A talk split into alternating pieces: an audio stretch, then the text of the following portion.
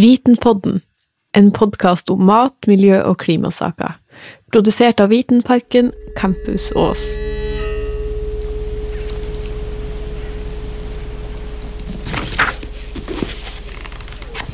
Bok i parken. En gang i tiden var jorden en mørk klump i bane rundt en skinnende sol. Men ikke nå lenger. I dag skinner planeten vår av seg selv, med glansen fra byer, fra veier, fly, skip, drivhus og bål. Menneskene har skrudd på lyset, og vi tar det med oss hvor hen vi går. Natt og dag, og enten vi ønsker det eller ikke. Gjennom historien har vi kappes om å finne stadig smartere måter å få ting til å gløde på, til å stråle og skinne på. Fra leirbål, gasslamper, fra glødepærer og LED-teknologi. Så kan vi se vår egen utvikling i speilet i kampen for å holde mørket tilbake. Velkommen til Bok i parken her på Vitenparken. Vi har ikke klart å holde mørket helt tilbake her i Ås, men vi har da klart å skape litt lys her inne hos oss. Vi har, eh, som dere skjønte av hva jeg leste, tema lys. Og i tillegg til at dere som har eh, kommet hit for å høre på, og det flotte panelet vårt, så klart, så tar vi også opp denne hva vi kaller episoden av Bok i parken på en podkast. Og det vil si at for de som hører på denne podkasten, så er det jo veldig hyggelig dersom de får inntrykk av at her er det hundrevis av mennesker engasjert i salen. Veldig fint. Det var akkurat det jeg ville frem til. Vi på Vitenparken vi er jo et viten- og opplevelsessenter for mat, miljø og klimasaker. Vi har satt oss som den oppgave å oversette forskning og kunnskap til opplevelser for folk. Så det er noe av det vi skal drive med her i dag. Og vi er jo da også ekstra glade når noen også tar på seg den oppgaven, nemlig at de tar kunnskap, forskning, og oversette det sånn at folk forstår, som jo også er utgangspunktet for boka, som er eh, på en måte hovedpersonen i denne Bok i parken. Og vi har eh, et panel med oss i kveld. Det er tre gjester, og vi har én bok. Og da begynner vi med deg, eh, Bjørn. Hei. Hei, hei. Hei. takk for at jeg får komme hit. Jo, Veldig hyggelig å ha deg her. Vi har fått med deg fordi du har gitt ut både boka di, men også fordi du er fysiker, du er klimaforsker og ikke minst forskningsformidler, noe vi jo heier på. Du bor ehm, nesten på Cicero. Jeg vet ikke om dere sover der akkurat, men det er der du holder til i arbeidslivet. Ja. Og jeg har notert meg noen ord som eh, at du har studert nedbør, atmosfæriske aerosoler i et endret klima, og at du hovedsakelig nå hjemmer, jobber med klimamodellering. Har jeg truffet eh, blink da? Ja, stemmer veldig godt. Ja, Veldig flott. Vi gir jo han en liten applaus også før vi Tusen takk. Line Nybakken, du kommer jo også fra rett opp i bakken her. Du er professor i, ved Fakultet for miljøvitenskap og naturforvaltning her fra NMU Lokal. Ja. ja? Superlokal. Superlokal. Hovedinteressene dine er kjemisk økologi i boreal skog. Du har kanskje noen andre interesser òg, men faglig så er det de du jobber med. det Stemmer.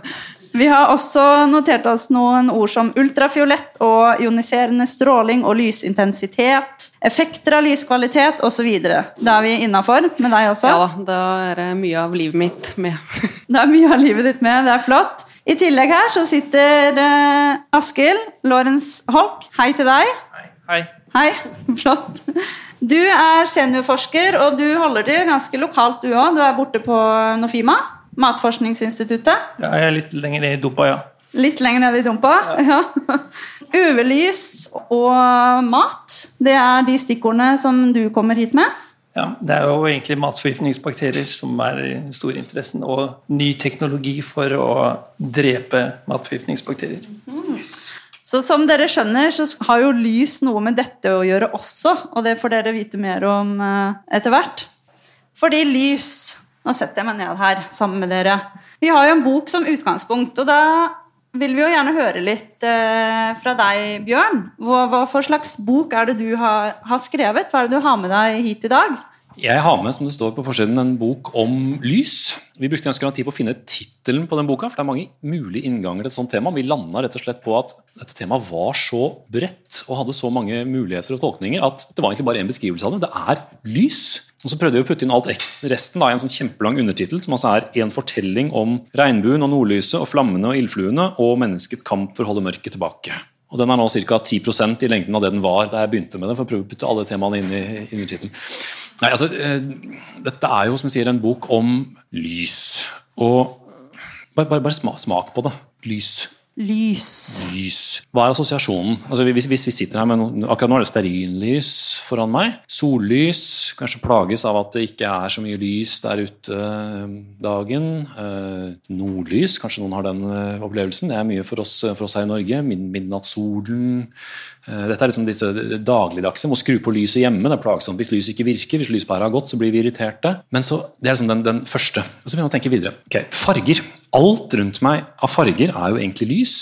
Hvis vi er opptatt av kunst, billedlig kunst, det er jo bare strukturert lys som en eller annen kunstner har fått å treffe øynene våre på en veldig pen måte. Alt av film er egentlig lys. Hva med teknologi? Er det noen som har PC-er hjemme? Liksom? Altså, lyset fra PC-skjermen er nå én ting. Men all den informasjonen som vi har kobla til i husene våre, når vi har fått tilkobla fibernett, det er jaggu meg lys, det også. Det er all den informasjonen som går til og fra kablene. Og så kan vi se opp på himmelen og alle de fine stjernene der oppe og tenke at vi vet jo egentlig ganske mye om vår plass i universet. Eh, vi er den tredje planeten på solen i et solsystem av enten åtte eller ni planeter. litt avhengig av hvordan du regner for tiden. Og så er det galakser der ute, og så er det stjernetåker. Og alt sånt, og det er jo lys som har kommet ned til oss. Når du tenker på det på den måten, så blir det et så utrolig vidt tema. Lys er noe som berører absolutt hele livene våre, fra vi fødes og til vi dør. Det berører hele universet, fra universet ble født og til universet dør. Og Der begynner du å se litt av utfordringen med å prøve å pakke noe av dette her inn i um, Som de kanskje hører på det, det, jeg prater om, jeg blir egentlig veldig engasjert av, uh, av temaet. Og for, min del også fordi jeg er jo utdanna fysiker. En av liksom, fysikkens eh, beskrivelser er jo at vi skal kunne forklare alle naturens fenomener. Eller om ikke forklare dem, så i hvert fall jobbe med dem og forstå dem. Og lys er jo et gjennomgangstema. Det kommer vi jo tilbake til, vet jeg, men det er et gjennomgangstema gjennom hele vitenskapsteorien. Gjennom hele liksom, fysikkens materie så kommer, fysik, nei, så kom, kommer, lys inn. Og jeg begynte å tenke på dette her, så, så kom jeg også på at jeg har jo egentlig ganske mange av de opplevelsene som trigga meg til å bli fysiker. altså Til å orke å gå gjennom disse her åtte årene med ørkesløs regning og lesing. Og, nei, jeg er veldig glad i fysikkstudiet, men det er, det, er, det er, slitsomt også. Da må man være motivert av et eller annet.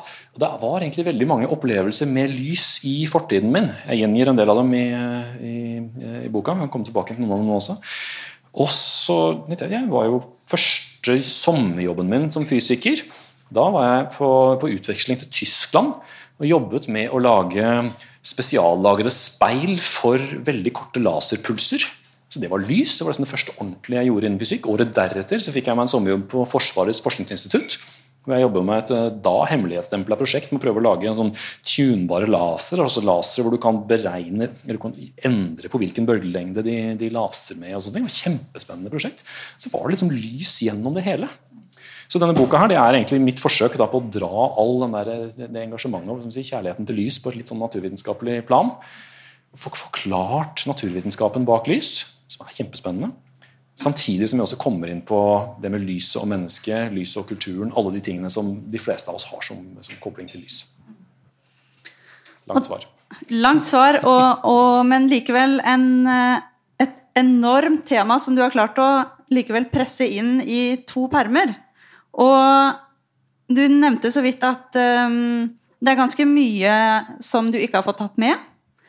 Men kan du si noen ting om hvordan du har jobbet med å skaffe denne informasjonen? Det er vel, eller kanskje er det, sånn at du går rundt og har alt dette i hodet, men har du snakket med noen uh, spennende mennesker? Har du vært noen steder? Hvordan har du jobbet for å, å skaffe den informasjonen som du da har valgt å plassere inn i boka di?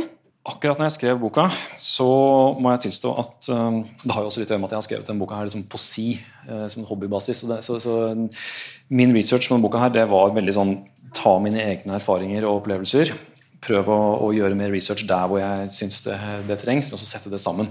Men de erfaringene de er jo så klart bygget på lang lang tid. Med, altså, gjennom en hel fysikkutdannelse, gjennom å ha formidla fysikk gjennom, og, og, naturvitenskap gjennom lang tid. Og veldig ofte kommer bort til folk som er veldig engasjert i lys. Altså, en av si, bigeskjeftene mine er at jeg er av og til paneldeltaker i, i P2-programmet Abels tårn. Der får vi inn masse lytterspørsmål alt mellom himmel og jord. Virkelig bokstavelig talt. Og veldig mange spørsmål der handler om lys. Så Vi har hatt flere sånne eh, lange eh, serier med liksom Er det sant at lyset fra månen er annerledes i nord enn sør? Og, sånne ting, og konkrete spørsmål. Liksom, hva, er egentlig forskjellen på fargen av nordlyset? Jeg kan ha en annen tema også som det gjenspeiles litt i boka. for så vidt. Vi kommer tilbake til det etterpå. vet jeg. Hva er egentlig lys for noe? Jeg skal ikke avsløre det nå, for det er et ganske spennende tema. Men jeg kan fortelle dere at en av professorene på Fysisk institutt i Oslo han øh, Jeg utleverer ham ikke noe nå, for han er veldig åpen på det sjøl, men han har et øh, syn på lys som er en rake motsetning av mainstream forskning. Han mener at basically hele resten av fysikkfeltet tar feil, og han har rett om lys. Det er han helt åpen og klar på. Han mener han kan bevise det i, i laboratoriet sitt øh, også. og all ære til ham. Jeg, jeg, hadde ham med på lanseringen av, av boka nettopp for å få den debatten. Og Det er jo sånne ting som, eh, som, som blir sittende igjen med at dette her er et spennende tema. For det, det er ikke et sånt fiks ferdig tema. Newton skjønte fysikk på 1600-tallet, dermed skjønte lys på 1600-tallet, og dermed så var vi ferdig med det. Det er levende den dag i dag. Nobelprisen i fysikk i 2018 ble jo gitt for forskning på lys. Dette er også helt forskningsfronten, selv om vi kan dra historikken tilbake igjen til, eh, til antikken også. Så det er kontroverser innenfor lysmiljøene også? Steile sånn fronter mellom, mellom lys, lys, lysforskere. Du har jo, det er jo i veldig stor grad en vitenskapshistorisk um, bok, men du peker jo også av og til fremover på, på forskningen. Men um, jeg har lyst til å komme litt over i dette som handler om noe av det mest grunnleggende prosessene som vi kjenner til. Du har et lite kapittel som heter 'Grønt som gresset'. Og vi må jo innom fotosyntesen, grunnlaget for alt liv på jord. Og vi trenger jo dette, alt dette lyset for å produsere ikke minst alt det som vi skal ha. Og, og, grunnen til at jeg trekker inn dette nå, er jo fordi jeg har lyst til å komme litt over på forskningstemaet ditt, Line. Ja. Det er jo trærne, skogen, plantene og lyset som er på en måte innenfor eh, din paraply. Ja. Da blir jeg nysgjerrig på hvordan og hvilken rolle lyset spiller i, i din forskning. Ja, Den spiller veldig mange roller. Altså, sånn generelt så er det jo lys på det Hvor mye lys, altså hvor sterkt lys. Eh, hvor lenge er det lys? Daglengden betyr jo noe. For f.eks. når trea skal gå i hvile om høsten, og når de skal begynne å sprette om våren.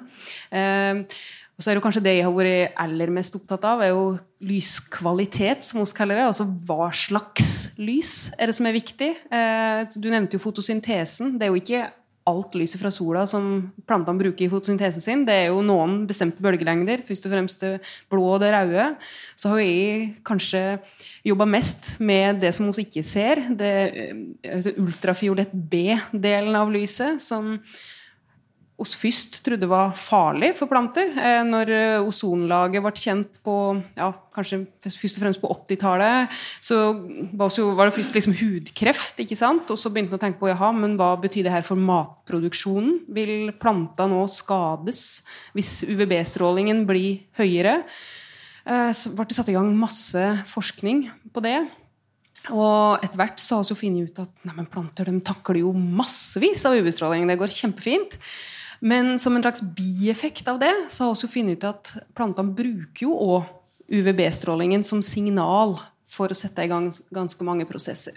Og det er jo noe som vi har jobba med i flere år og har masse nye ideer om å jobbe videre med. Så ja, lys er, Det er ikke bare liksom, fotosyntesen i planteforskningen. Det er veldig mye mer enn det. Da har, vi, da har, vi, lyset fra fysikeren og fra planteforskeren sin perspektiv. Og så har vi også med oss noen fra matforskningens verden. Asker, kan du si noe innledningsvis om uh, lysets funksjon i hverdagen din? Sånn i, i det profesjonelle? Ja. Øh, vi, er, vi er egentlig veldig heldige. Vi lever i en verden hvor matproduksjon er veldig trygg. Eh, så vi Det er relativt sjelden vi blir syke. Men hvis man kjører statistikk over hva som skjer av matforgiftninger i Norge eller i EU, for eksempel, så er det faktisk ganske mange hundre tusen som blir dårlige hvert år. Og det skyldes at vi klarer ikke å ta knekken på alle matforgiftningsbakterier. Så vi jobber jo sammen med næringsmiddelindustrien. Og de er veldig interessert i at vi skal prøve å finne nye metoder for å drepe bakterier. Eller holde bakteriene, matforgiftningsbakteriene nede på maten. Og da er En av de tingene som vi har vært veldig interessert i, er å bruke UV-lys for å drepe bakterier. UV-lys har dårlig gjennomtrengelighet i fast materie, så, så, dette er et overflatefenomen. Så det er ofte bakterier som er på overflaten av maten vi kan drepe. Eh, og da har vi to typer lys. Det er UV-lys begge deler. Det ene er UVC-lys, som er 254 nanometer, for de som liker sånne tall.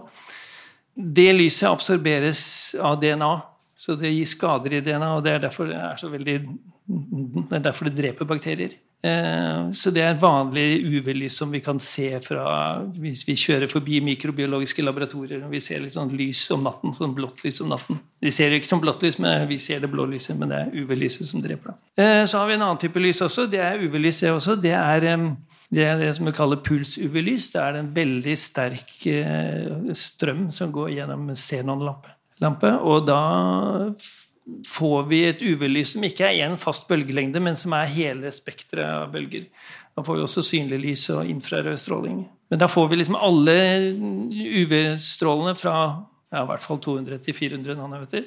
Eh, og det er en veldig sterk puls som bare varer et, et millisekund omtrent. Men det er veldig sterkt. Det det er så intenst at det er opptil 20 000 ganger så intenst som vanlig sollys. Og det vil drepe bakteriene sånn, akkurat som vanlig blitslys. Så det de, de dreper også bakterier. Håpet er jo at dette kan tas i bruk. Det brukes jo både på produksjonsutstyr og i produksjonslokaler, men vi tenker på å bruke det direkte på maten for å kunne drepe bakterier som sitter på maten.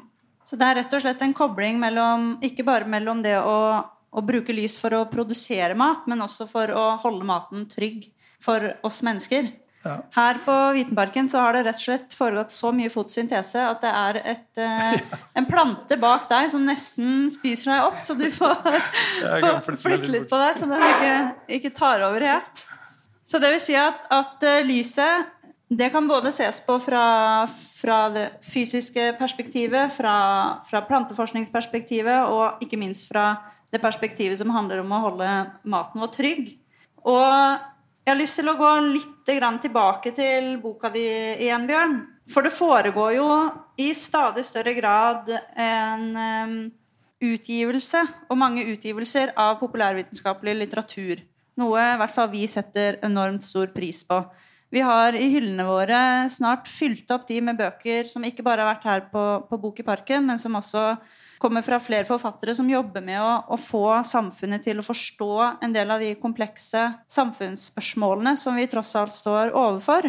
Og, og, da lurer jeg på om du kan si noe om, Bjørn, hvilken, og på hvilken måte du, du, ser boka di som et innlegg i, i alt det her. Er det et samfunnsoppdrag du har tatt på deg, eller er det din egen skriveglede? Er det kanskje oppdrag fra forlag, eller hvordan er din bok plassert inn i det som vi nå ser som en voksende populærvitenskapelig litterær sjanger? Det er en blanding. Den boka eksisterer pga. min skriveglede. Og for så vidt fordi jeg var i dialog med, med forlaget, og de eh, sammen så kom vi fram til et, eh, et, tema. Så det er liksom akkurat den, så kommer litt tilbake til den. Men større for meg altså Jeg har jobbet med vitenformidling i ganske mange år nå. Og mm, jeg husker den tiden da vitenformidling i Norge det betydde Knut Jørgen Rød Ødegård på TV. Eller i uh, Aftenposten. Han hadde veldig godt forhold til Aftenposten. Intet dumt om Knut Jørgen. Han gjorde en kjempeinnsats. Men det var bare ham. Der er vi ikke nå. Vitenformidlere i Norge er en så utrolig mye bredere gruppe. Vi når ut med så mange flere temaer enn akkurat astrofysikken. Vi når ut på mm, altså, så mye grundigere måter. Eller ikke grundigere, men altså på, på, på, på, flere nivåer. Både på ren popularisering overfor barn og for voksne, og alt, så, alt sånt, men også på den liksom, dypere formidlingen der hvor det kommer opp samfunnstemaer, så hender det at journalistene tenker at kanskje vi skal ringe en forsker. og få noe om dette her. Det er en sånn, altså, en sånn pen pendelsving. For, så, for, en del tiår tilbake så var det antagelig sånn igjen. Og så var det en periode hvor det var veldig lite kunnskap og forskning ute i, i mediene. Jeg har jobbet ganske mye med å prøve å få flere forskere ut. Altså vi, vi kurser folk på universitetene. Vi prøver å dytte folk ut i mediene. Vi lar dem møte journalister. Um, og liksom bli vant til å snakke. Det er uh, ett format. Men så har du også langformatet. For Det er der vi ikke har kommet fullt så langt. Tross alle de flotte bøkene i hyllene deres. og det er skjedd veldig mye nå de siste par årene, men veldig lenge så fantes det ikke pop-hit-utgivelser av denne typen.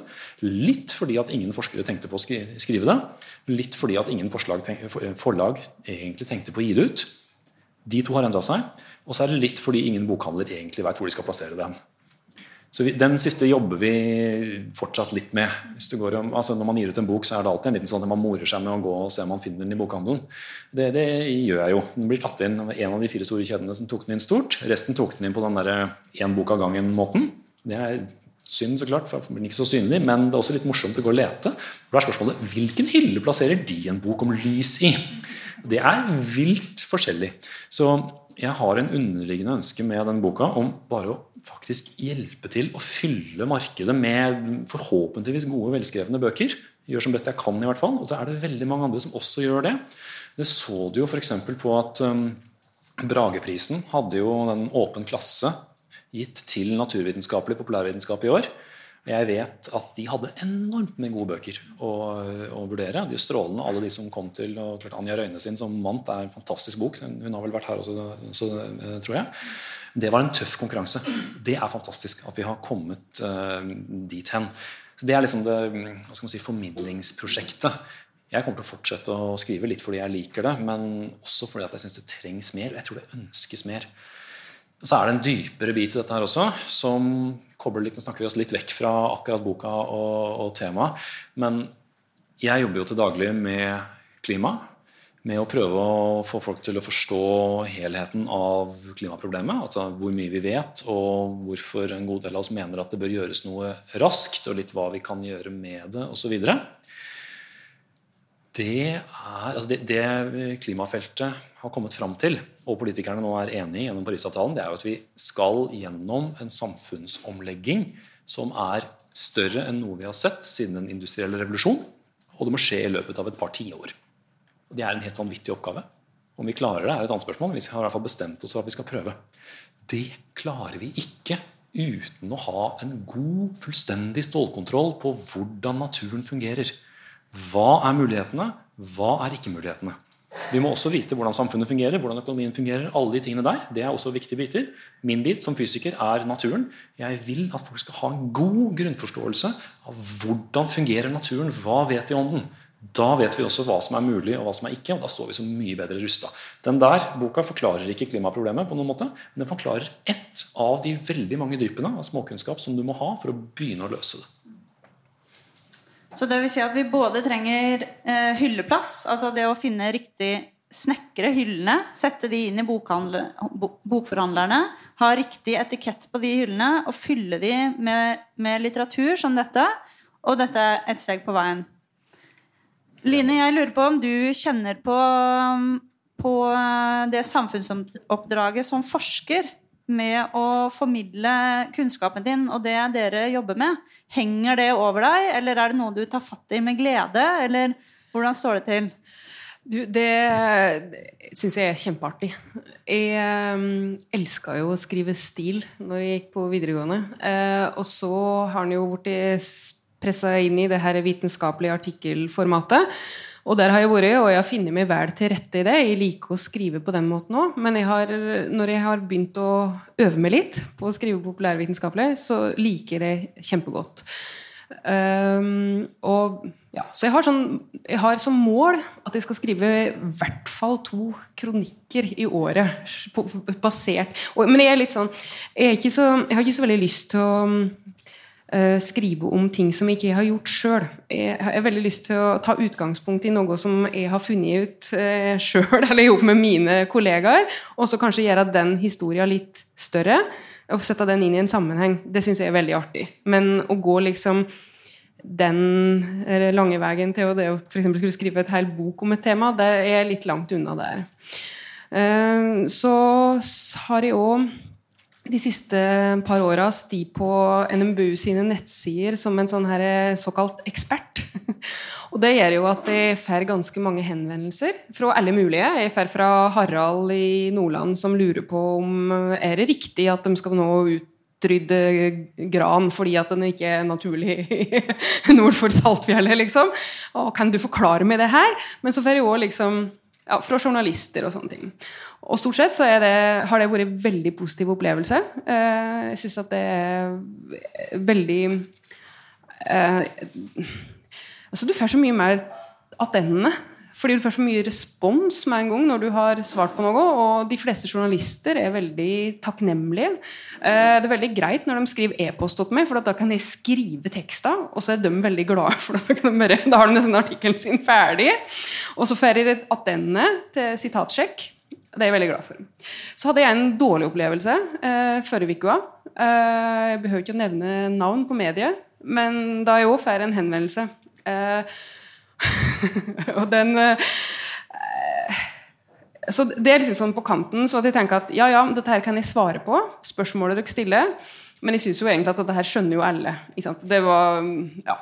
og, så, og så svarte jeg, og prøvde på en måte å roe det her ned. For det de lurer på det, altså det var klare, var skogbunn som bevegde seg opp og ned. Eh, det var en video som var filma i Canada. Så gikk skogbunn opp og ned, sånn som det her. Og så spør da dette mediet Er dette farlig. Hva er det som skjer her? Er det farlig? Og så svarer jeg at uh, dette her, det er jo vinden som bles, og så er trærne litt ustødige, og så um, gjør det at rotsystemet beveger seg opp og ned. og Trærne har jo stort rotsystem, og da blir det sånn. Og ja, det kan jo være farlig hvis treet detter i hodet på dem. Men jeg prøvde liksom å roe ned, for det irriterer meg så innmari over alt som er farlig i naturen. ikke sant? Flåtten og kveksen og hjortelusflugge og alt det. Alt, akkurat som de har sånn kampanje for å la folk ikke gå ut. liksom. Så de prøvde å roe det her ned. Og så kommer det liksom da på, ut på nettet eh, norsk eh, det sto? Et eller annet 'Dette er farlig', ifølge norsk professor, eller et eller annet sånt. Og jeg hadde jo ikke fått dette her til sitatsjekk. Jeg hadde ikke engang fått takk for at du svarte. Eh, og da tenkte jeg at eh, da fikk jeg litt sånn derre Oh shit. det, det, her var ikke noe morsomt. Men nå har jeg lært. Men stort sett så er det veldig artig, og jeg skal fortsette med det. det. Det er vi veldig glad for, og vi håper at det får bli med et sånn engangstilfelle. At du sto frem som en, en forkjemper for at naturen er et farlig sted å, å oppholde seg. Eh, Askild, hva med deg? Dette med, med, formidling av egen forskning og forskningsprosjekter. Som regel har jo et forskningsprosjekt minst en arbeidspakke som handler om kommunikasjon. Ja. Er det en pakke som du Liker. hopper over, ja. eller? nei, nei, nei. Vi jobber jo mye sammen med næringsmiddelindustrien. Og mye av de tingene vi finner ut, er meningen at bransjen skal få greie på. Så vi skriver jo en del i bransjeblader og holder møter med industrien. De, så vi skriver kanskje ikke så mye for hvermannsen, sånn, men selve de som jobber innenfor faget, er viktig at vi klarer å formidle våre, våre ting til. Vi, har, jeg får av og til noe sånn spør en forskerspørsmål. Vi også av og til Det kommer fra litt forskjellige kilder. Noen ganger, en gang så kom det fra forskning.no. Da fikk jeg et spørsmål om kan man spise et kadaver hvis man koker det lenge nok. Og da var svaret Man koker det veldig lenge. Nei, nei, man kan ikke det. Nei, ikke spise det. det Selv om kraft og den slags har blitt veldig populært, men ja. det er ikke kadaver som er uh... ja. Nei, nei, men det, er jo, det fins jo bakterier som overlever koking, altså som sporedannere. Så de kan overleve og gjøre deg syk når du spiser etterpå. Og om ikke de skulle være der, så fins det bakterier som produserer toksiner. Så dreper du bakteriene, men toksinene er varmestabile. Så, de kan, eh, så ikke spis kadaver. Det var din også, Det er ikke alle som er like morsomme. Jeg husker jeg fikk en sånn, jeg jobber med veldig sånn, liksom veldig sånn vanskelig forskning. Så fikk jeg et spørsmål fra sånn, hvor, hvor, mye, når man har mugg på osten, hvor mye skal man skjære vekk da? det var sånn Yeah, jeg har gått på skole i 25 år. Og da er svaret 1,4 cm. Ja, det er ikke tull heller. Vi, det er ganske viktig, fordi at vi, vi er ikke synsere, vi er forskere. Vi skal gi forskningsbaserte svar. Så vi, andre folk kan godt synes jeg synes det passer, liksom, liksom. Men vi må rett og slett gå inn i vitenskapelig litteratur og se hva er det som er gjort. Og da måtte jeg liksom, bruke masse tid på å spa fram en artikkel hvor de hadde målt aflatoksiner i avstand fra mugg. De, de kunne påvise det 1,3 cm fra muggen. kunne påvise toksiner. Så hvis du skjærer 1,4 cm, så er du trygg. Så du har ikke gått på det var skole forgjeves? Nei, men hele vitsen er at vi som forskere skal gi forskningsbaserte svar. Ikke, vi skal ikke gi synsesvar, og det må vi aldri glemme. Det er veldig lett å bare synes ting. Men vi må gå til liksom, dokumentasjon og vise at det stemmer. Altså. Bare pass på deg å si at og det er altså da ingen andre enn deg antageligvis, og din lille kretsen rundt deg som er i stand til å gå til den litteraturen og finne det svaret. For det er gjerne dy- dypt begravd. så jeg mener, Der, der gjør du jo den viktigste jobben vi har som, som tolk. Ja. Selv om det føles som et trivielt spørsmål, kanskje. Jeg skjønner det. Ja, nei, men det er, det, det er faktisk noe av det viktigste vi gjør, er å kunne klare å lete fram i litteratur. For det er veldig mye som er gjort. Eh, Så hvis man klarer å lete godt, og skjønne, skjønne hva man skal lete etter, så, så finner man utrolig mye. Altså. Så det er forskningsarbeid slash detektivarbeid Ja, det er litt sånn detektivarbeid. i, kilde, i kildene. Um, Bjørn, du har jo med deg boka di, og da har jo vi som sitter der, veldig lyst til å høre deg lese noe fra den boka. Kan f.eks. For foreslå side 128. Se. Så skal vi sette oss godt til rette og høre deg fortelle noen av ordene som du har valgt å ta med i boka di om lys. Lesestund om lys i den mørke tiden. Bortsett fra at det er ikke om lys heller. Dette her er da fra den eh, delen av boka som handler om lysets motsats. Som vi også måtte få et kapittel her, nemlig mørke. Er mørke bare fravær av lys, eller er det noe mer?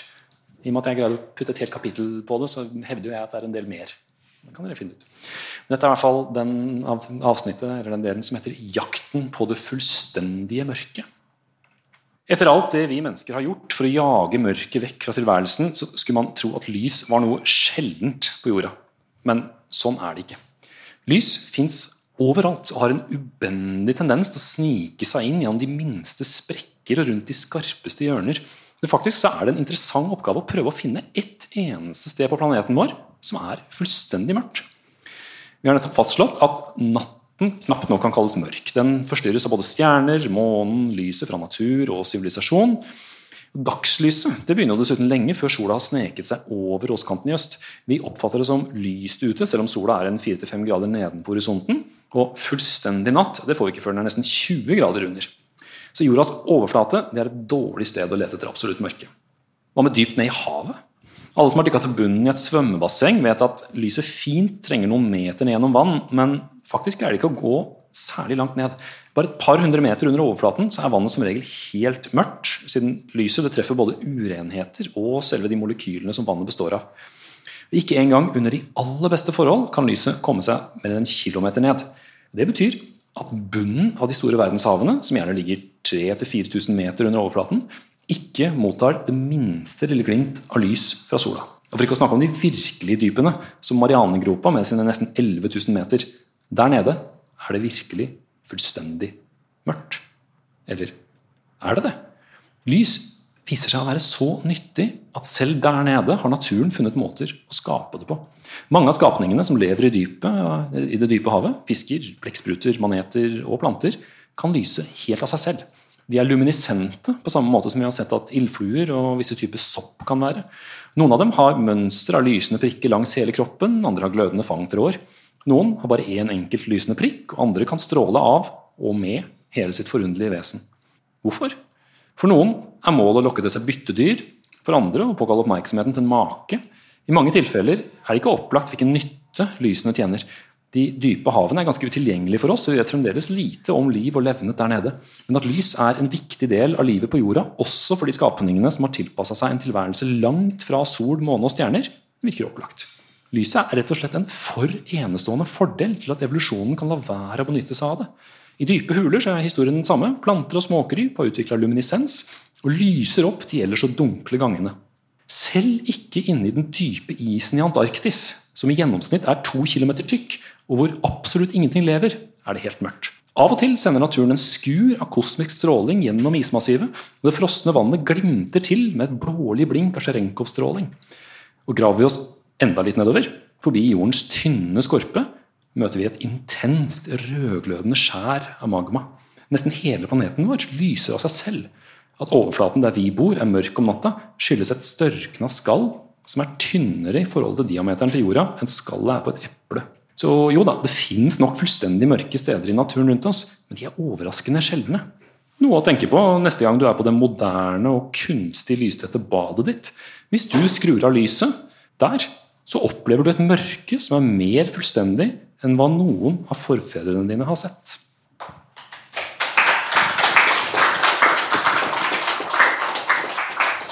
Vi fant det til slutt. Og tusen takk for at du, du ville lese til oss. Du har i boka di, eh, og som du så vidt nevnte nå også, ordet bioluminisens. Altså der biologien og lysproduksjonen møtes, på en måte. Og så har du Setter du frem spørsmålet om hvorvidt dette er en fremtidig lyskilde. Da henvender jeg meg til hele panelet her. Tror dere fremtiden eh, består i at vi har små ja, kanskje dyr og planter som lyser opp eh, hjemme i rommene våre?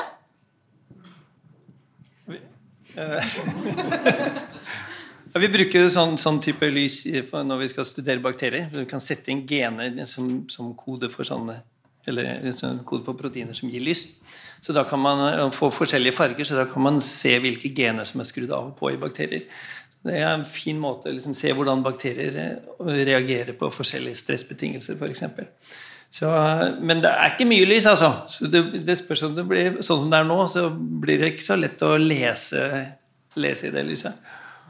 Men man skal aldri spå for mye om fremtiden, for det at får du mange nok bakterier, kan det sikkert bli litt lys likevel.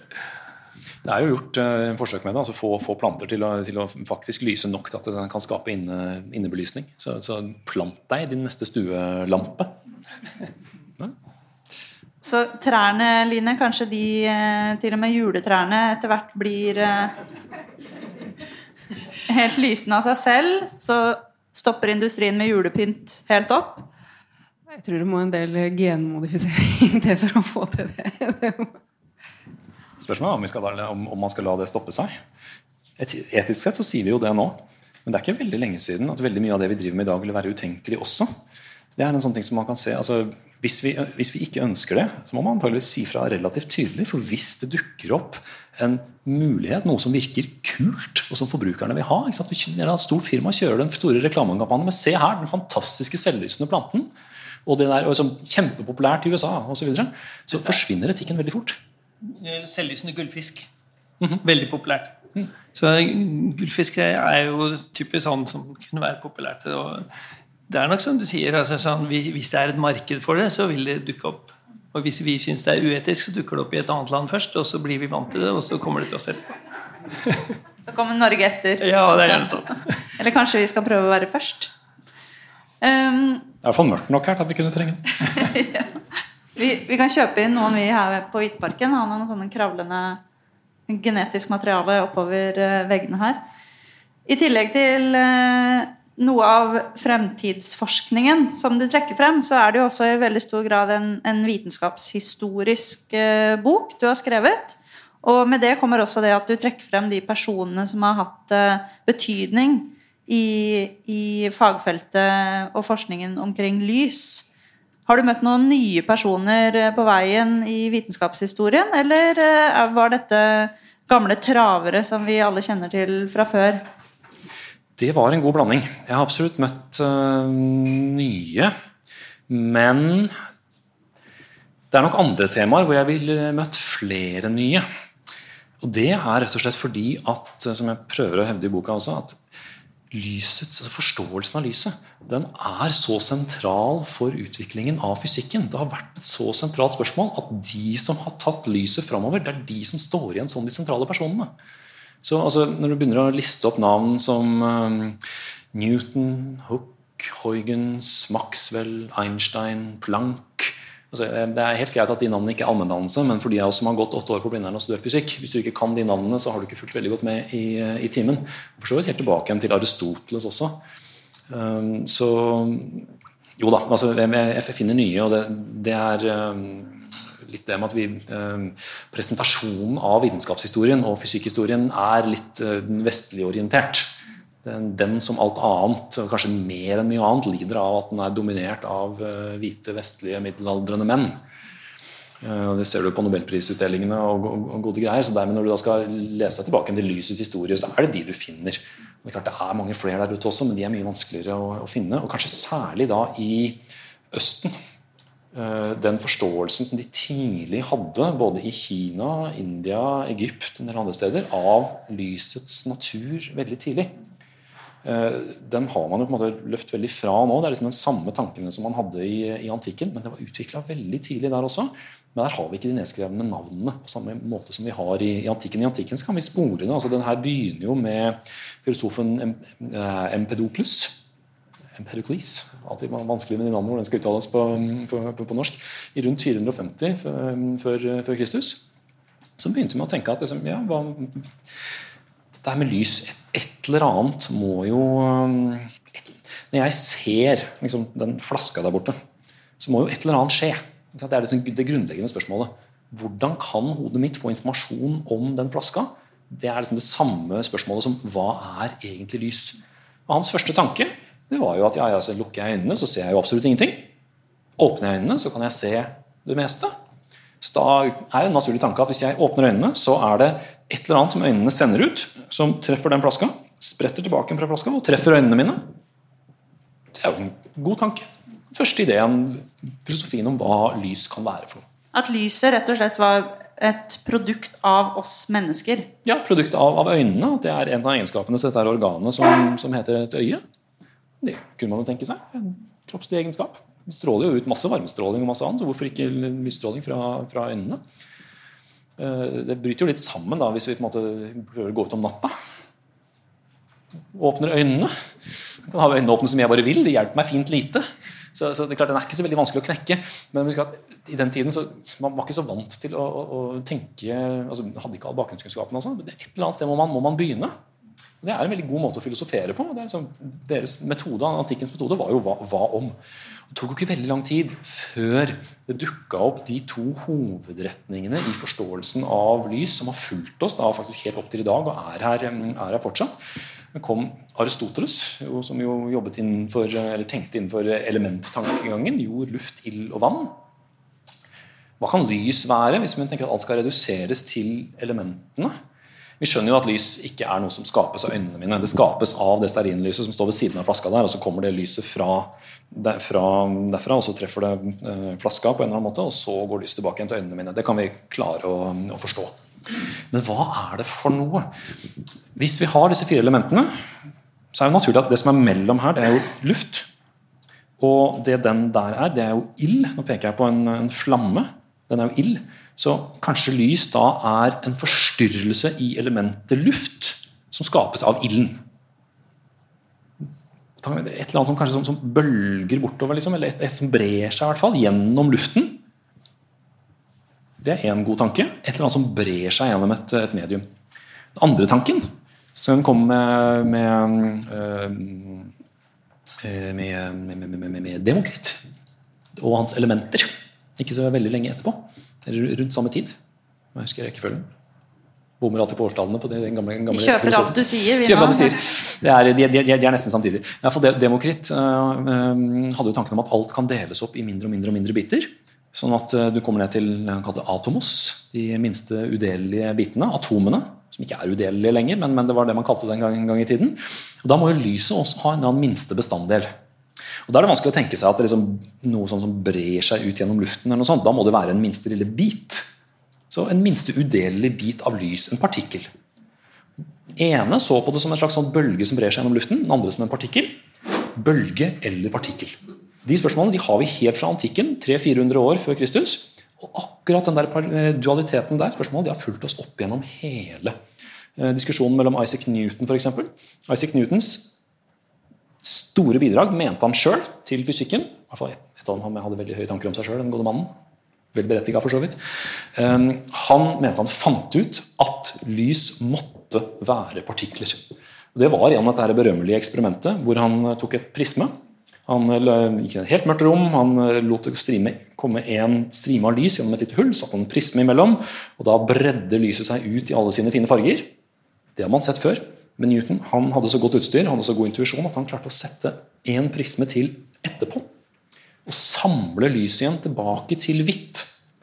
Den eneste måten det kan fungere på, sier han, det er hvis lys, hvitt lys består av små partikler som alle har masse forskjellige egenskaper. De egenskapene de er fargene. Når de går, sprer ut, så ser du alle, alle, de forskjellige partiklene i en slags vifte. akkurat som regnbuen gjør, Og så samles de igjen til hvitt lys. Partikler. Punktum. Samtidig så var det altså et par andre, Christian Huygens, en nederlender, og eh, Robert Hooke, som av flere grunner var Newtons erkerival. De eh, ja, likte hverandre ikke, kan vi si det sånn. De utvikla sammen, eller Huygens begynte og Hook overtok, utvikla matematikken rundt hvordan bølger kan bre seg. En sånn matematisk beskrivelse av bølger. Og fant også ut at Det passer også veldig godt på lys. Du kan beskrive veldig mange av liksom disse sentrale lysfenomenene, altså lysbrytning, lysdiffraksjon og alt sånne ting, med matematikk. Og når matematikken kan beskrive det, og det kan forutsi resultatet av eksperimenter, ja, da er vi inne på noe. Så de mente at det var lys. Newton vant den debatten fordi Robert Hooke døde først. Det er sant.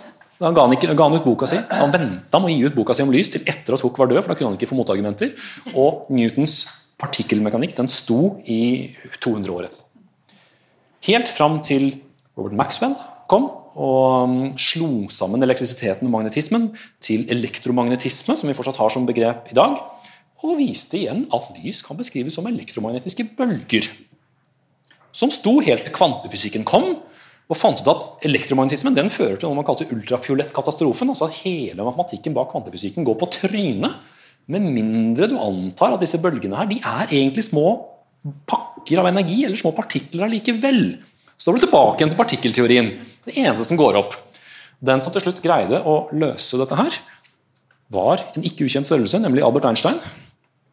Som greide da å sette sammen Plancks eh, fotoner eller, eller, kvanter, altså minste lysbiter, med matematikken i kvantefysikken og elektromagnetismen og alt det, og skjønte da at du hadde en bølgepartikkeldualitet, altså det vi kaller fotone. Fotone er ikke en minste biten av lys, den er ikke en partikkel, det er ikke en bølge. Det er et eller annet helt annet som vi bare ikke har noen intuitiv følelse av. Vi er så vant til at ting er enten sånn eller sånn, for at vi har sånne store ting som vi kan ta på og dytte på. Disse tingene her, de er så små, beveger seg så fort, at vi har ikke noen følelse for dem. Derfor så virker det så rart for oss. For naturen så er det ikke rart i det hele tatt. Det er bare at vi prøver å trykke noen sånne kjente egenskaper inn på det. Lyset er noe helt annet. Det er verken en partikkel eller en bølge, men det har litt egenskaper av begge to. Det du si noe? Ja. ja for det, lys, det så, det har vi hørt så mange ganger. At lys er både partikler og bølger. Så det er liksom greit, for at fotoner er så små, så de kan sikkert være litt bølger også. Men det som er det egentlig enda mer spooky, er jo at alt som beveger seg, har jo bølgenatur. Og i det klassiske eksempelet med å sende et sånt dobbeltspalteeksperiment, hvor du sender lys gjennom to spalter, og det, beveger, det, det eh, lager interferensmønster som om det var bølger, det kan man kanskje akseptere når det er lys. Men det er faktisk gjort sånne eksperimenter med mye større ting også. Og Da er det et molekyl som heter Buckminster-fylleren, som er 60 karbonatomer som sitter sammen som en ball. Det er et stort molekyl som er en stor ball. og Det kan du sende på akkurat samme måte, og det gir interferensmønster på akkurat samme måte. Så selv, hele det store molekylet suser av gårde som en bølge, og så lager et interferensmønster. Det er da jeg hørte det. Da var jeg i gørsebryggen. ja, det, det, er virkelig spooky at at ordentlig store, liksom, ordentlig store molekyler har den samme bølgenaturen. Altså. Skal jeg vise folk hva du, hva du snakker om? Hvis du har bilde av det, så Nei, Jeg har ikke bilde av det. Med, vi kan gjøre litt forskning. Vi kan gjøre eksperimentet. Her har vi en uh, laser. Laserbeger. Skal prøve å ikke treffe øynene dine. Det er som man ikke skal gjøre. Det er rett og slett en rød, en rød prikk. Og så har jeg rett og slett et um, ja, Ser ut som en gammelt lysbilde-type. Det kan kanskje se hvis dere ser, ser noe igjen at det får litt rare farger på seg. Men det dette her er, er et gitter. Det er veldig veldig, veldig finmasket gitter. Det er 300 sånne gitterstriper per millimeter. Og så er sånn Hva skjer hvis du nå lyser gjennom der. Skal vi se, nå skal vi prøve én ting først. Dette funker antageligvis ikke. Jeg tror kanskje du bare må, må holde den? Den? Ja. Aller først, nå har jeg en synål her. Det første tror jeg dere må ta panelets ord for. for Jeg skal bare vise dere. Altså, jeg lyser på boka der nede. Der er det vel klarest. Og så tar jeg denne her, som er én sånn stripe, foran, en litt tjukk stripe foran lyset. Hva skjer? Ser du en skygge? Ja. Det er stort sett det du ser. Kanskje litt spredning på siden, men det er stort sett bare én skygge fra den tjukke her.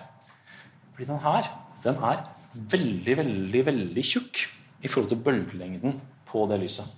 Det egentlige forsøket her det er at man skal ta et hårstrå og holde foran isteden. Det kan dere gjøre når dere kommer hvis dere har en laserpeker.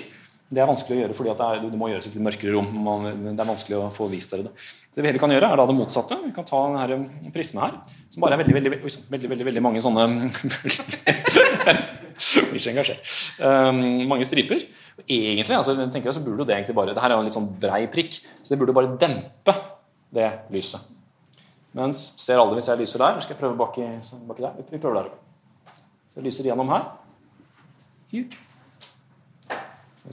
Prøv å danne litt nærmere. Det blir litt for lang avstand. Ta på veggen der, for da blir det litt kortere. Der ser du. Det blir ikke dempa. Det er like, like sterkt som, som, uten. Kanskje litt. Rann.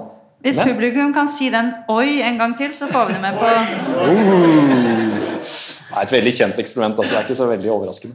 Men det, det du får isteden, er altså en hel haug av små prikker, og så dette her er nå et bevis, i hvert fall et veldig godt bevis på at lyset har en bølgeegenskap. Fordi at Her så treffer lyset disse, her, takk, disse her små, små, gitterne, og så, interfererer det med seg selv. som Du sier. Altså, du får et sånt mønster hvor litt mer lys i, spres i akkurat noen vinkler, og så forsterker de, de, de, de hverandre. Det som er det sprø, det er at hvis dette her hadde vært en veldig veldig fancy laser, ikke bare en sånn enkel laserpeker, så kunne jeg bedt den om å sende én og én lysbit, en, en lyspartikkel. Minste bitene vi, vi eh, klarer. Virkelig som én partikkel, partikkel av gangen. Og Du kunne treffe det her gitteret her. Og Lysbitene de er, så, de er så små at i utgangspunktet så, så treffer de liksom bare mot, mot en, en gitterbit. Og så burde de liksom kanskje, treffe, kanskje, gå rett fram, kanskje sprette en eller annen vei, treffe et eller annet sted. Men allikevel altså, så blir det, selv om, du, selv om du bare sender én og én partikkel, så får du det der interferensmønsteret der. Som at de reagerer med hverandre. Selv om det bare er én av gangen. Det er helt sprøtt, for det burde, burde, ikke gå an. Det burde være, måtte være mange mange, mange som legger seg på toppen av hverandre. Du får liksom ikke bølger, du får ikke sånne store, fine havbølger og alt det de kan gjøre ved å liksom runde én dråpe av gangen ned et skråplan. Lyset har sånne kollektive egenskaper, selv når det bare kommer om én og én bit.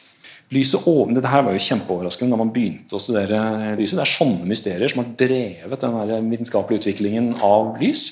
I dag har vi kommet mye lenger på det, mye dypere inn i materien, men det er fortsatt like fordømmer av det mystisk i bånn.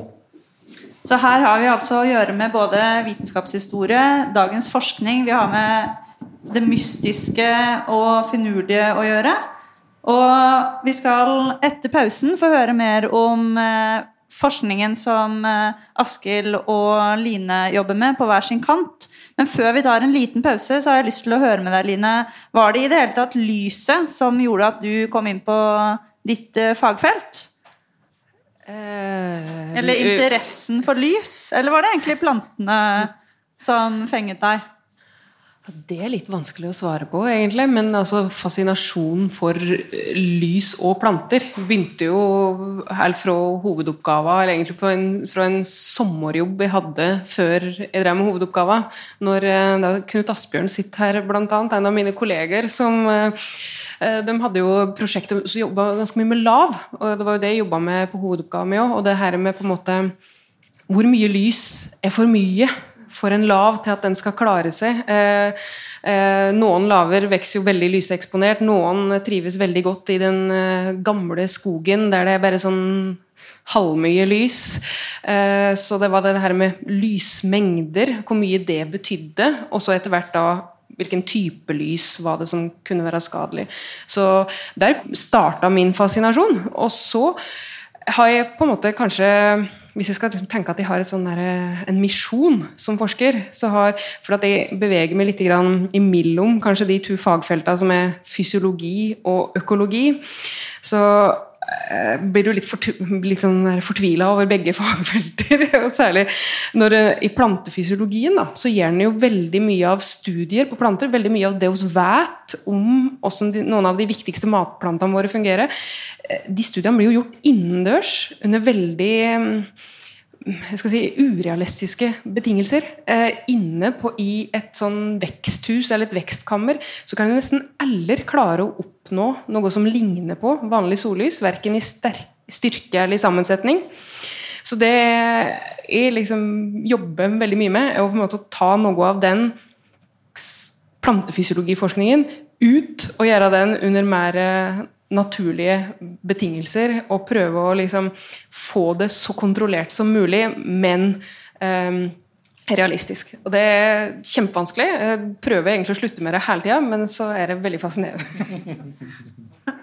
og Vi gleder oss til å høre litt mer om det etterpå. Nå tar vi en jo, du har en ting til på hjertet. Jeg er ikke noen lysekspert, men jeg kan et veldig, ja, er ikke noen lysekspert, men jeg kan et veldig morsomt eksperiment med lys. Jeg vet ikke om det står i boka di, hvordan du kan måle lyshastighet i en mikrobølgeovn? Nei? Det står ikke i boka, så du kan gjerne dra den. Ja, ja, Hvis man, man har mikrobølgeovn hjemme, og så må man eh, Det er jo en sånn roterende tallerken, så du må skru av den, for den må stoppe. Så tar du altså, du kjøper en stor sjokoladeplate, og så legger du den inni. Og så setter du på, og så lar du den ikke stå så lenge. Du, bare stå til, du lar den stå på til du ser at den smelter noen steder. Det er en halv bølgelengde. Mellom, det er avstanden mellom to sånne smeltede områder av melkesjokoladen. Det er en. Halv bølgelengde. Da kan du måle bølgelengden, beregne bølgelengden, og så titter du bak på ovnen, for der står frekvensen på mikrobølgeovnen. Og så alle de som kan litt fysikk, er, vet at eh, frekvens ganger bølgelengde, det er lyshastigheten. Så da kan man med å bare måle målesjok avstanden hvor det, er hvor det smelter, så kan man finne lyshastigheten. Det morsomste med eksperimentet er at man kan spise sjokoladen etterpå.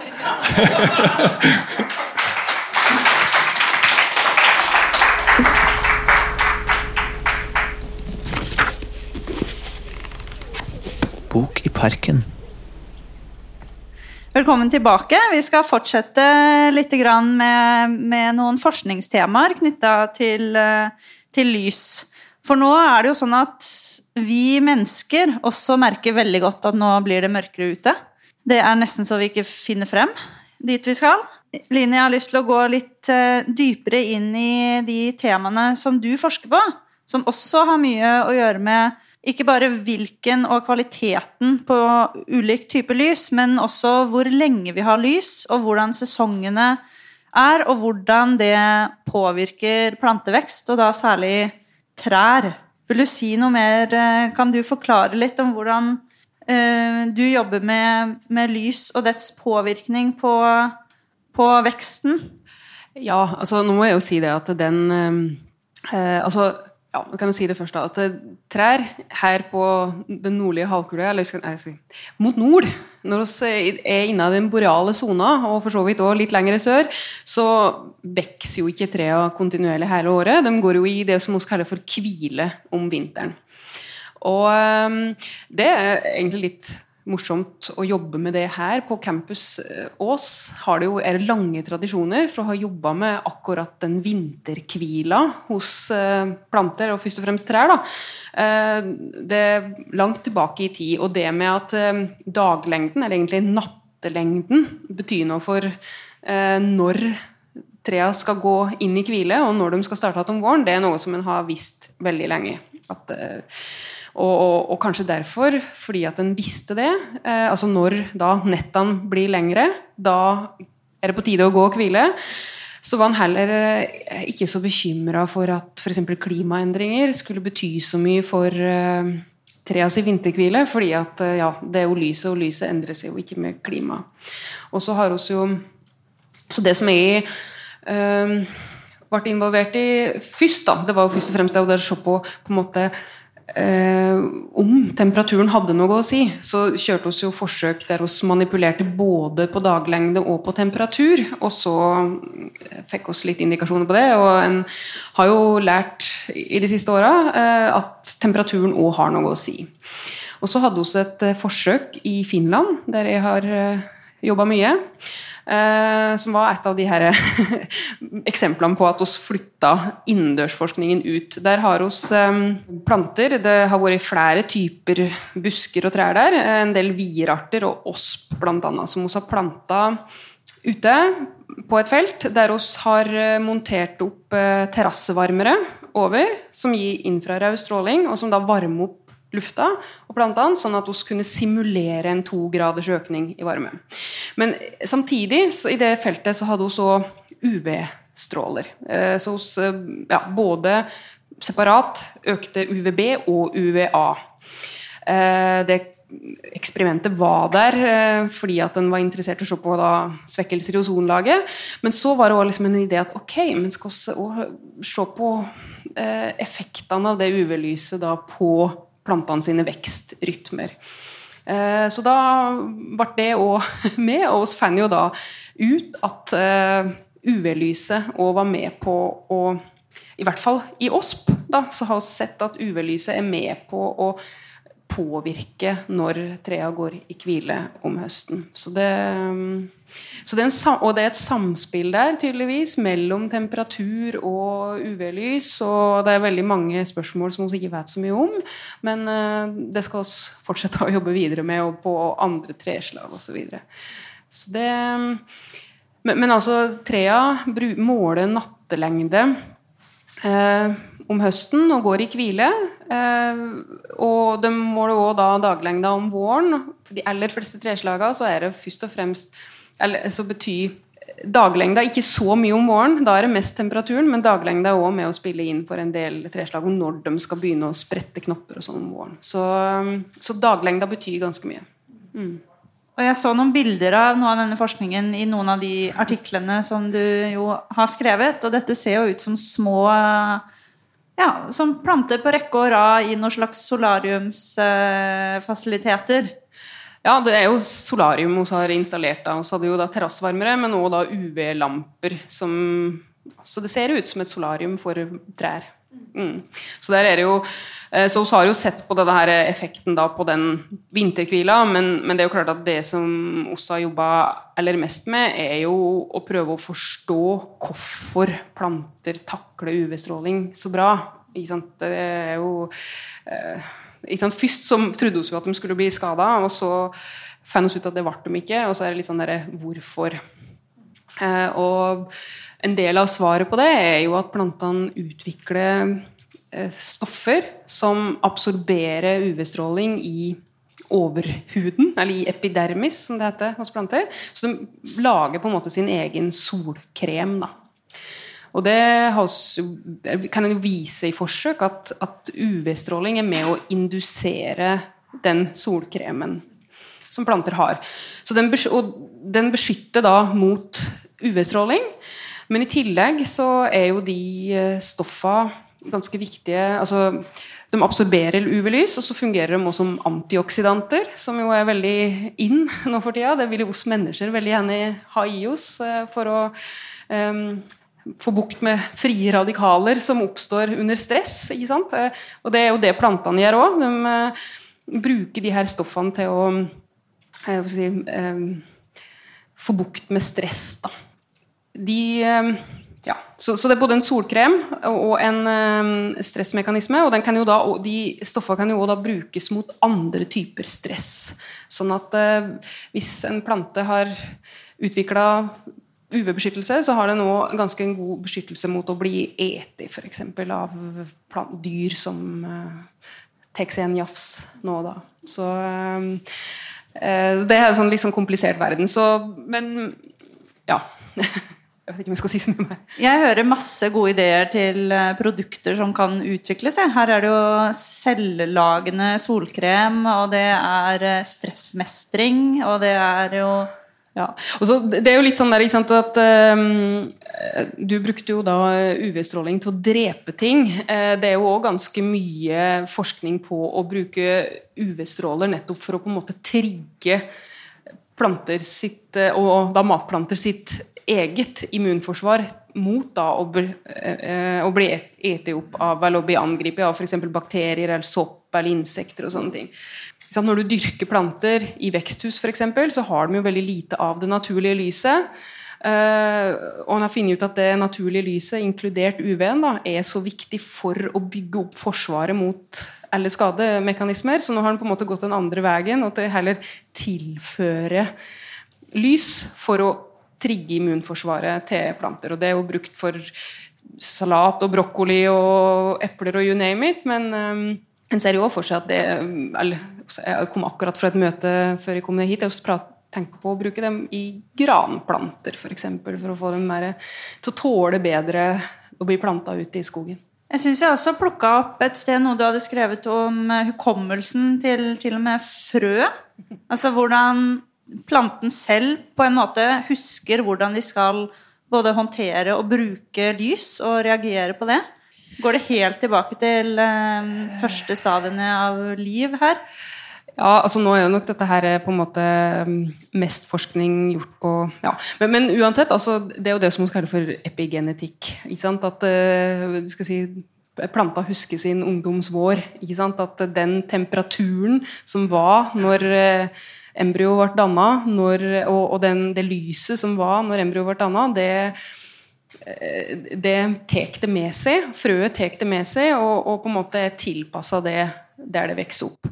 Og så er det jo mye vi ikke vet om det. altså hvor, hvor godt husker planta det? Hvor lenge husker den ting? Så det er jo litt det der med ok, Kan du liksom f.eks. utsette mor for uh, f.eks. UV-stråling akkurat mens Eh, embryoet dannes, og så kan det frøet resten av, eller den planta som kommer fra det frøet resten av sitt liv, være godt beskytta mot UV-stråling f.eks., eller mot herbivore og sånne ting? Eller det bare, vil det bare vare en liten stund? Det er jo mange sånne ting som vi ikke vet der, da. Men det er masse å gjøre. Så forskninga er ikke ferdig ennå når det gjelder eh, samspill mellom lys og, og planter? Nei. Og så er det jo også det veldig viktig at oss forsker jo veldig ofte på lys og i samspill med andre miljøfaktorer. ikke sant? At det, Hva er lysets rolle? Hva er temperaturens rolle? Og, og de to sam, tinga sammen, liksom. Det, ja.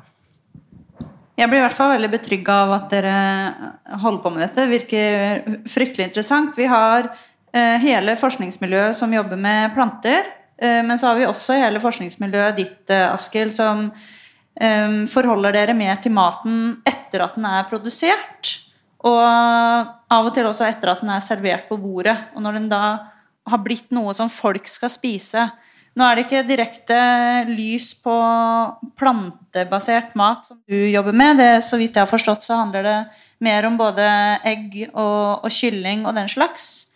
Kan du si noe om om det som du begynte å fortelle om litt tidligere i kveld, om koblingen mellom lys og mattrygghet. Hvordan foregår dette mm, forskningsprosjektet innenfor mattrygghet som, som dere jobber med nå? Vi har Nede hos oss har vi en patogenhall. Det er en produksjonshall som er egentlig bygget inn i et patogenlaboratorium. Så det er et helt lukket system. Alt vannet som eh, kommer ut derfra, det blir autoklavert og sterilisert. All luften som kommer ut der, blir filtrert og sterilisert. Og alt annet som skal ut der, skal gjennom en autoklav som blir sterilisert. Det eneste som kan gå ut derfra uten Det er vi, da. Vi behøver ikke gå gjennom autoklaven. Det er godt så. å høre at dere kommer hjem på kvelden etter jobb, ja, dere òg. Så det betyr at vi der, inne, der kan vi lage egentlig all slags mat. Der kan vi lage en liten matfabrikk. Vi kan lage mat, og vi kan eh, ta med mat inn og pode med farlige eh, matforgiftningsbakterier og utsette bakteriene for forskjellige stressbetingelser, eller, eller drapsbetingelser. Da. Vi har jobbet vi lagde, For noen år siden lagde vi spekepølser med sånne, disse e farlige E. coli-bakteriene som det står om i avisen av og til. Og da hadde vi jo nok bakterier til å drepe hele jordens befolkning, egentlig. jeg kan dø av ti Dere bakterier. driver et liksom. slags krimlaboratorium, Ja, men det blir på en måte sånn og Da gikk jo rundt med romdrakter selv altså for å ikke bli smittet. Da blandet vi det inn i spekepølsene, og så kunne vi liksom behandle pølsene etterpå for å se hvordan vi kunne drepe. Du får litt ny respekt for lokalmiljøet på Ås. Altså, når du vet. Ja, altså, Vi må sørge for å vaske oss skikkelig før vi går ut. Ellers så tar vi med oss dette ut. da.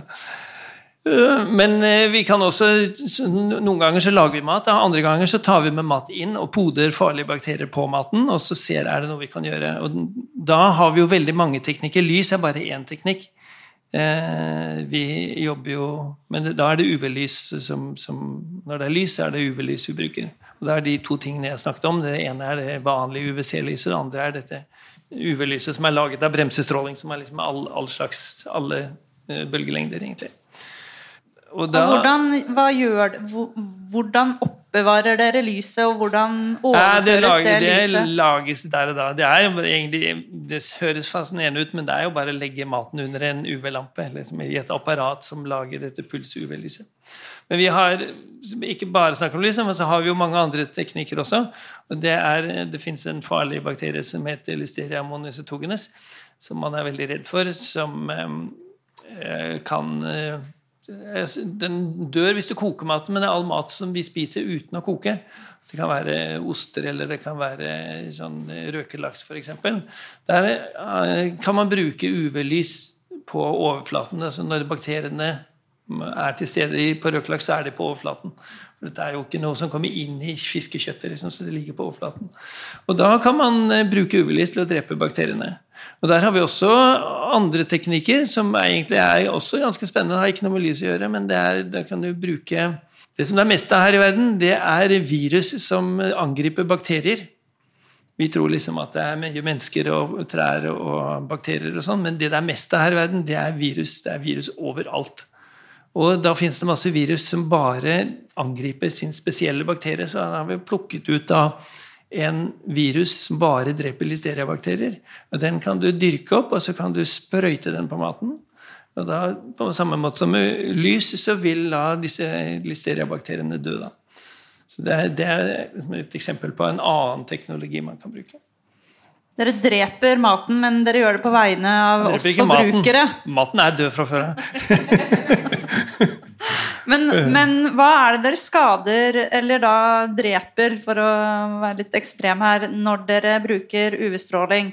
Jeg har så vidt lest hvordan dere jobber med å, å skade DNA, sånn at de har kommet til et visst nivå at de ikke klarer å bygge seg opp igjen. Ja. Kan du på en måte trekke oss ned i hva som foregår i Det som skjer, er, som jeg nevnte vel siste, eller litt tidligere, at eh, det vanlige UVC-lyset det sendes ut i en bølgelengde som absorberes veldig lett av nukleinsyrer, og særlig DNA, som absorberer lyset. og Det gir skader i DNA. Det gir noen skader, særlig sånne skader som kalles tymindimerer. Og når replikasjonsapparatet prøver å lage nye DNA-kopier, så klarer ikke det å komme forbi disse tymerene. De tymindimerene. Så, så det gjør at de dør. Det som er litt interessant, er jo at eh, bakteriene har jo sånne reparasjonssystemer, og de virker bedre i lys i synlig lys eller i UVA-lys, faktisk. Så vi, når vi prøver å drepe bakteriene, så tar vi samtidig og kjører kontrollforsøk eh, med under forskjellige typer sånn reparasjonslys for å virkelig sjekke at vi har drept bakteriene og ikke bare skadet dem. For noe farligste man gjør, eller dummeste man gjør, er jo å tro at man har drept bakteriene, men så er de bare litt skadet, så de bruker litt tid på å vokse opp igjen. Eh, og så da hvis man sender maten ut på markedet, og så går det noen uker, og så kommer bakteriene opp igjen. Men vi sjekker jo da at de virkelig er drept ved å indusere disse reparasjonssystemene og se at bakteriene klarer ikke å vokse likevel. Høres ut som det skjer mye inni disse prosesshallene deres på Nofima. Det er, veldig, det er veldig strengt hvem som får lov å komme inn der. Da er vi Ta ikke sjansen på Så vi er de heldige utvalgte som nå får høre om noe av det som foregår der inne. Eh, nå har vi jo hørt litt hvordan lyset påvirker planter, hvordan det påvirker maten, bakteriene, hvordan man kan bruke lys for å da skadeliggjøre det som igjen skader maten. Og lyset det har jo en helt sentral plass og ikke minst innvirkning i, i naturen. Men det har jo også mye innvirkning direkte på oss mennesker. Ikke bare det at vi syns det er mørkt eh, når det er mørkt, og at det er fint å stå opp eh, når det er lyst. Det er også en grunn for dette. Og Bjørn, du skriver noe i boka di om eh, vitaminer, f.eks. Knytta til eh, UV-stråling, D-vitamin. Kan du si noe om det du har skrevet om, i boka di som handler om hvorfor er det vi vil være våkne på dagen og, og sove på natta? Hvorfor trenger vi mennesker rett og slett eh, lys? Det enkleste svaret av alt. Det har alltid vært sånn. Men bare tenk tilbake igjen. Det er jo ikke vi menneskene som har altså, som, Lyset er ikke til for oss. Det er snarere vi som har lært oss å utnytte lyset. Altså for, for, for, for fem milliarder år siden så våkna sola. Og da var ikke vi her. Da var planeten ganske annerledes. Og så tok det ganske lang tid før det begynte å røre seg i det hele tatt noe på planeten. Og noe av det første det her begynnende spede livet på planeten måtte lære seg, det var jo dag- og nattsyklusen. Og etter hvert sesongene, når du kom litt vekk fra ekvator. Men aller først begynte de jo rundt i, antageligvis i områder hvor det var en jevn dag- og nattsyklus. Veldig klar. Tolv kalde, mørke timer. Tolv varme, lyse timer. Sånn har lyset utvikla seg. og Også vi mennesker kommer primært fra området rundt, eh, rundt ekvator. Så klart All den biologien som vi er, og all den psyken som vi har, eh, som, som har utvikla, måten å reagere på, på, på, verden på, den er helt betinga av den tolv timer på tolv timer av syklusen. Men så har vi gradvis da, spredd oss utover hele, hele, planeten. Så plutselig kommer vi opp sånne kalde, ekle, gufne steder som her i Norge. Hvor forholdene ikke er sånn som vi egentlig har eh, tilpassa oss. Eller sånn som vi har utvikla oss til. og da, da, da, må vi bare i gang med å, å, tilpasse oss. Skaffe oss alt det lyset som vi kan klare. Ta vitamintilskudd dersom, dersom det trengs. Dette er jo en evig, Jeg er alltid forsiktig med å si vitaminer, for dette vet jeg dukker opp i mediene én gang i året. Dette her med hvorvidt sol er eh, en god ting eller ikke. For sol er, hørte vi jo nå, altså sol kan være kreftfremkallende også for oss. og nettopp den effekten som du, som du nevnte. Men samtidig så får vi jo da D-vitaminer av, av, av, eh, solstråling. Så Professor Johan Moan, professor emeritus nå, er ute i mediene en gang i året og sier at vi må for all del sole oss mer. Og så er det da andre deler av, eh, av ja, medisin og helse som kommer ut og sier at for all del, altså, ta sol, men, men pass nå for all del på å ikke få for mye UV-stråling. for da får du... Ja, strålevernet som sier det. Så det er, det er, den, samme, det er den samme diskusjonen hvert, hvert bidige år, men det er i hvert fall ingen tvil om at her er det snakk om biologiske prosesser. Altså, Vi kan ikke få for mye UV-lys, for de er kreftfremkallende. Det er opplagt i for store doser. Men det er også opplagt at lyset er en del av det som kroppene våre har tilpassa seg. Og kanskje enda viktigere altså Hvis vi flytter inn i en mørk bunker som bare lever på stearinlys, eller eller så kan vi alltids ta et vitamintilskudd. Det klarer vi. Men effekten på psyken vår, den er mye vanskeligere. Det, er, det, er egen, det var, Inntil de omklassifiserte for litt siden, så var det en egen diagnose som het uh, Seasonal Affective Disorder, med det fine forkortelsen SAD. Det er akkurat det man blir. Man blir vinterdeprimert når du ikke får det der lyset som kommer inn og trigger. Det, det kan man jo måle på forskjellige Her er jeg langt utenfor mitt fagfelt, så jeg vet ikke akkurat hvilke, eh, hvilke hormoner og hvilken produksjon det er snakk om. Men det er, det er akkurat det. Altså det, er, det, er, produksjon av forskjellige stoffer i kroppen som trigges av lys. Og også den dag-natt-syklusen. Det er litt interessant nå hvor vi har eh, valgt, litt sånn ubevisst, å forstyrre den dag-natt-syklusen veldig kraftig. Uten ikke å tenke over hva vi driver med. Det er ikke så veldig lenge siden vi oppdaget at vi har én spesiell type synsnerve som ikke egentlig er eller lysfølsom unnskyld, eh, nerve i øynene, som ikke egentlig er en del av synssansen, men som allikevel er lysfølsom.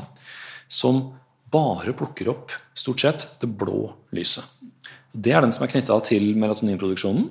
At om morgenen når det begynner å komme lys, så trigger de lysfølsomme cellene.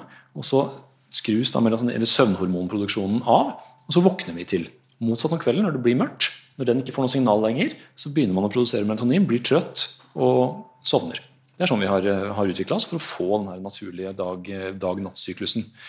Nå glemte jeg å ta med mobilen min opp. jeg tenkte jeg skulle ha den, ha den med her, men hvis det er noe vi blir utsatt for nå, i mye større grad enn noen gang før, så er det jo nettopp det blå lyset fra disse skjermene.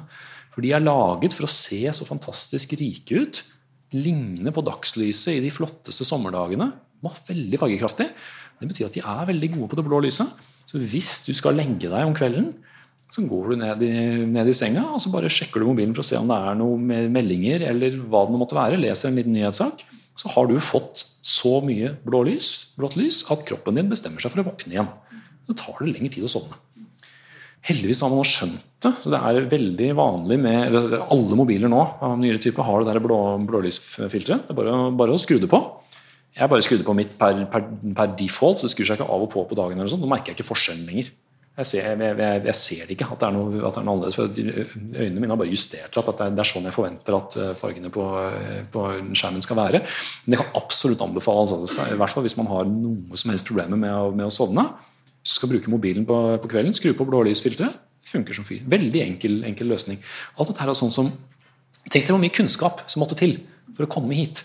En ting er alt hva lyset er, en annen ting er hva det gjør med kroppen, hvordan øynene eh, fungerer, hvordan mobilen er laget, hvordan den stråler alt lyset.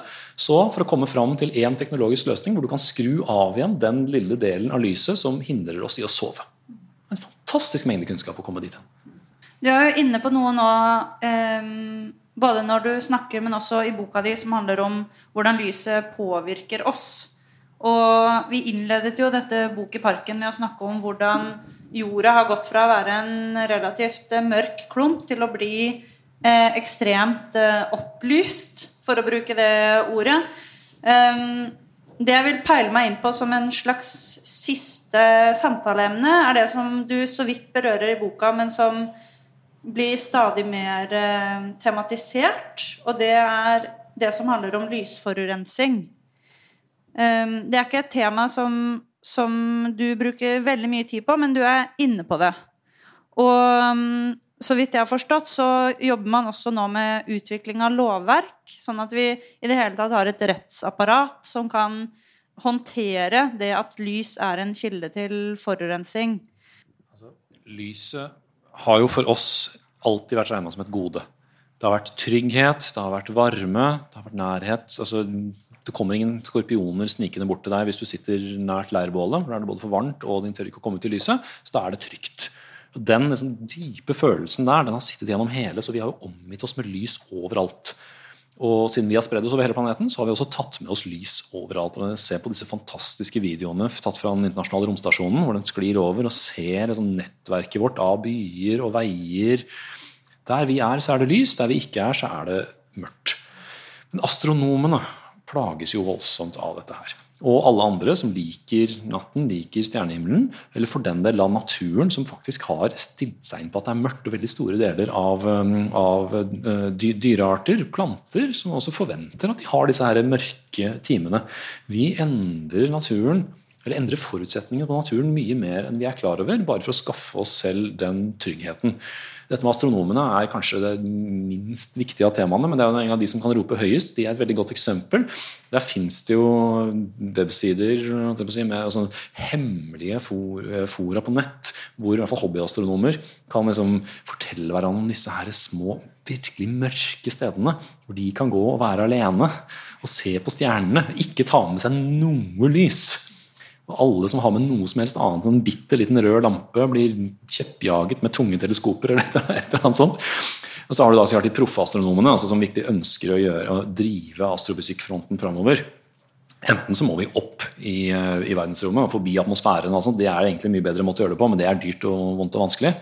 Så her nede på jorda så må vi da prøve å dra opp på høye fjelltopper, langt vekk fra, fra alt lys. De områdene finnes så godt som ikke lenger. For lyset går og spres egentlig veldig langt gjennom atmosfæren. Og effekten da på naturen, på dyrene som bare lever om natta, som forventer at det skal være helt mørkt for å kunne jakte, for å kunne leve. Det kan folkene på siden av meg mye, mye, mye, mye bedre enn meg, tror jeg. Men det, det, er klart vi har en kjempepåvirkning på naturen på veldig, veldig mange måter. Og vi overskuer ikke per i dag hva alt dette lyset gjør med naturen, med stjernehimmelen vår og med oss sjøl. Folkens, vi er på overtid, og det er rett og slett fordi eh, lys er så interessant, og det er så enormt mange innfallsvinkler til eh, dette temaet. Vi har jo lyst til å invitere med publikummet vårt eh, til å stille noen spørsmål dersom noen har det. Og stillheten her, det er bare fordi folk tenker seg veldig, veldig hardt om. Jeg kan også spørre dere i panelet om, om, dere har noe mer eh, på hjertet. Hvis ikke så går vi over til frilek. Vi har en eh, frivillig her fra, fra salen. Skal jeg gi deg en mikrofon? Tor Vestby heter jeg, kommer fra Drøbak. Eh, laser. Tannlegen min. Han bruker nå laser både til å rense opp og til å brenne. Det er kanskje flere praktiske bruk på laser som jeg ikke kjenner til, som kan være interessant å høre. Dette vet vi antageligvis om alle tre, for jeg tror laser har gått inn som et av disse her hovedverktøyene. Altså, laser er jo ikke egentlig noe annet enn en måte å, å, fokusere lys inn på, sånn at du kan kontrollere det veldig klart. og Du vet akkurat hvilken bølgelengde det er snakk om. Og da vet du også, hvis du kan mikrofysikken, så vet du akkurat hvilke prosesser som du induserer inni det du, det du lyser på. Og så kan du styre veldig, veldig fokusert hvor lyset er, og hvor mye energi du får. Den anvendelsen som har vært mest snakka om nå i det siste, det var jo den som da fikk eh, Nobelprisen i fysikk i 2018. Hvor eh, man eh, har tatt Laser har vi hatt lenge, men det de fikk prisen for, fall noen av de som fikk den i år, det var å kunne stykke opp laserlyset i veldig, veldig, veldig korte pulser.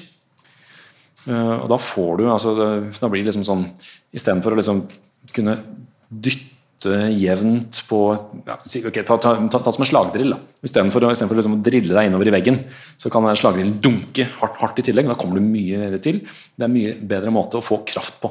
Og det, Hvis noen av dere har hatt en øyeoperasjon noen gang, så er det akkurat det dere har møtt. Det er det man kan bruke til å virkelig kirurgisk brenne bort deler av netthinna, sånn at man korrigerer synet. Du ville aldri sluppet en kirurg med skalpell inn på øynene dine. Det hadde vært altfor grovt.